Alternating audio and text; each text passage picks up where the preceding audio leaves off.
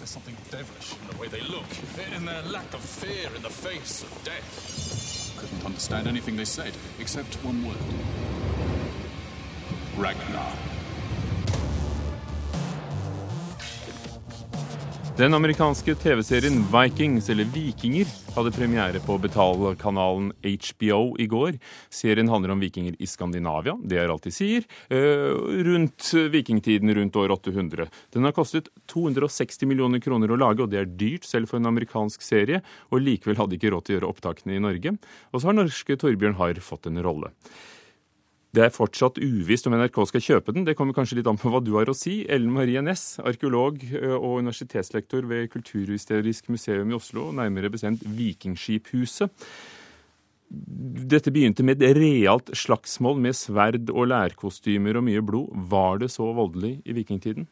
Vikingtiden var nok et utrolig voldelig samfunn. For det fantes ikke noe politi. ikke sant? Sånn at det var familier som måtte forsvare seg selv mot alt som kunne komme på dem. Og ja, de slåss, og ja, de var voldelige, men de drev jo med så vanvittig mye annet også. Så det gjelder å ta flere tanker i hodet på en gang her.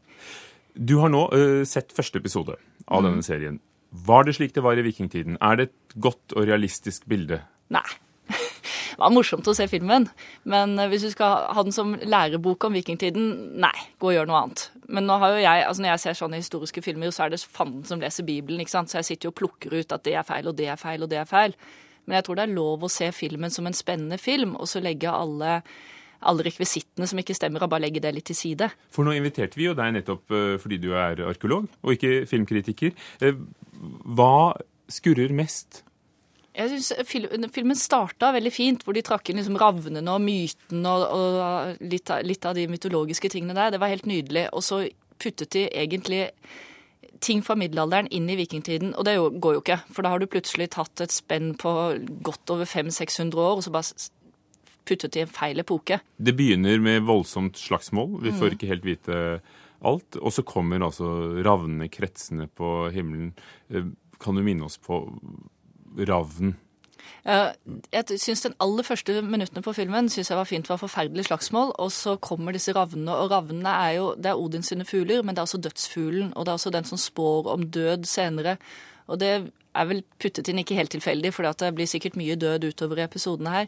Men jeg syns den var ganske fin, og så ser du kanskje et glimt av noen valkyrjer som henter de døde opp. Men om det er fantasien til han som hovedpersonen her, eller om, om det virkelig skjer, det er litt vanskelig å se. Og det skal det vel være òg, kanskje. Men stemmer kostymene, altså disse uflidde mennene med lærstropper og, og, store sverd, var det sånn de, de så ut? De Dem du har gravet ut? de vi har gravd ut, er mest skjeletter. Men, men jeg syns de ser forferdelig shabby ut. Vikingene likte bling, og de likte å pynte seg. Og, i denne filmen her så skal vi nok være i et litt øvre middelklasselag, og da går du ikke rundt med litt shabby, brune, fillete klær med en pelsjakke over. Da har man fine farver, man har ordentlig forseggjort og vel sydde kjortler. Eh, det skal se penere og mer flidd ut enn denne gjengen med røvere som vi egentlig ble presentert for i filmen her, da. Du nevnte middelalderen, men, men, det er også ting fra, fra 1950-tallet ifølge deg her, for vi følger en kjernefamilie. Ja, det var en søt og grei kjernefamilie. Blonde, pene. Mor, far og jente og gutt. Og det var jo yndig og pent, men kjernefamilien er en nokså ny konstellasjon. Og i vikingtiden så er det storfamilien med, med, med venner og treller som, som bor sammen. Så den kjernefamilien tror jeg vi skal um, lete litt lenger etter. Vi, det, det, ryktes at det er min... Altså, Produsenten av denne serien uh, er den samme som lager Tudors fra, fra engelsk historie. Der var det ganske mye sex. Her er det mye mindre, for dette går også på History Channel, hvor det er litt mer sømmelige grenser for hva man kan vise. Men det er en scene her hvor de ligger nakne i sengen, uh, mann og hustru, uh, og, og, han sier at 'jeg kan nok holde meg noen dager', og ja, det, det ville vært flott sier hun, mm. om du, du, kunne ligge unna andre kvinner. Men ville de gjort det? Hadde de ideen om den romantiske tosomheten den gangen? Dette er jo så spennende, for det er der vi kommer inn i menneskenaturen, og hvor mye har vi egentlig forandret oss på all den tiden.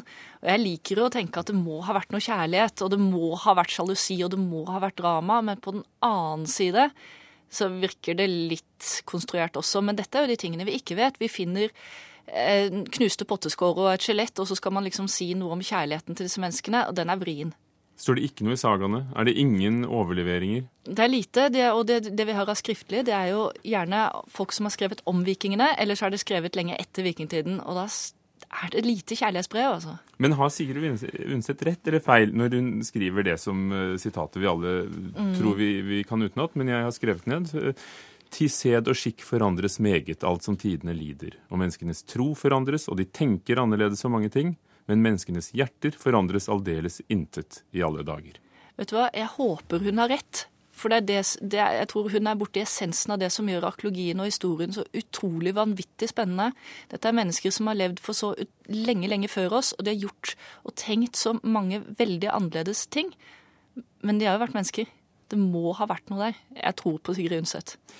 Hvis vi sier at vi befinner oss i serien Vikings rundt år 800, da er det altså forskjellige kongedømmer som alle slåss mot hverandre. Mm. Er det et realistisk bilde av maktkonstellasjonene i tiden her? Vikingtiden, Særlig tidlig i vikingtiden så er det voldelig samfunn og uten sentralmakt. Så det er mange småkonger, og de slåss mot hverandre mot å få, for å få mer makt. Så sånn sett ja, men på den annen side så syns jeg denne høvdingen i denne filmen her altså Det er helt klart at han er skurken i serien, det, det skjønte vi jo. Men han oppfører seg også litt som, som gudfaren. Altså Han har, har, litt for mye makt av grunnlag av ren angst. For i vikingtiden så opererer de med et gave-gjengave-prinsipp. Man gir en gave, og du forventer å få noe igjen. Og det er tosidig. Så denne høvdingen kan ikke sitte og, og forvente å få ting tilbake helt uten, uten å gjøre noe for det. Ellen Marie Næss, eh, burde de heller ta tatt seg en tur til Vikingskiphuset, kanskje, for det... å lære hvordan de kler seg? Alle burde ta en tur til Vikingskipshuset, ikke for å lære hvordan de kler seg, for det er jo ikke så mye klær som er igjen, men du verden for noen flotte skip vi har.